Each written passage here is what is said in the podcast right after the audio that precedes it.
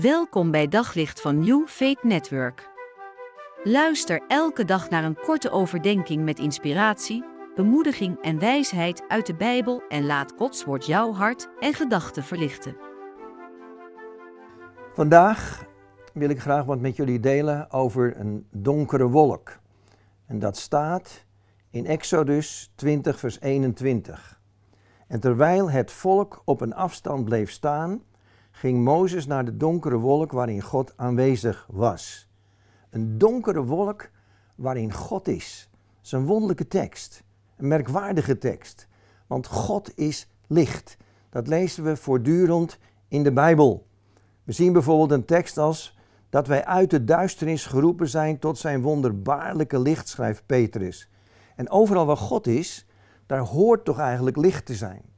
En, en toch staat er hier in Exodus een donkere wolk waarin God was. Dat lijkt in tegenstrijd, tegenstrijd tot andere teksten. En ook hier zien we dat het volk Israël dan beeft voor de duisternis. En ze blijven van verre staan, terwijl Mozes daar als het ware God tegemoet gaat. Hij gaat de berg beklimmen. We kennen allemaal duisternis. We kennen allemaal oorlogen, zonde, ziekte en andere problemen. En ook het volk Israël kon daarover meepraten.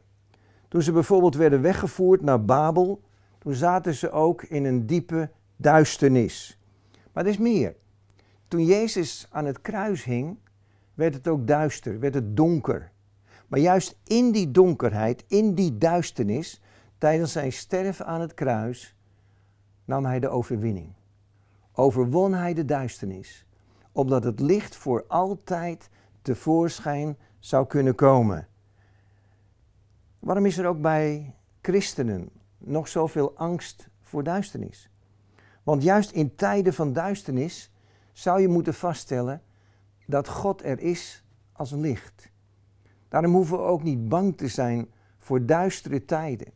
Want in alle tijden zegt God eigenlijk tegen ons: Ik wil bij je zijn. Ook in die duisternis wil ik mijn licht laten schijnen. Adam en Eva, die kropen weg in de bosjes nadat ze gezondigd hadden. Zonde maakt bij veel mensen los, kruip weg, zoek de duisternis op. Terwijl de Bijbel juist zegt dat je zonde aan het licht moet komen. Met andere woorden, je moet ze beleiden. Want als ze niet aan het licht komen, dan kan het licht ook je zonde niet wegnemen. Het is dus superbelangrijk dat we ons realiseren dat God is gekomen en Jezus heeft gezonden als het licht van deze wereld. Wandel in het licht. Op zoek naar nog meer geloof, hoop en liefde. Op New Faith Network vind je honderden christelijke films, series en programma's.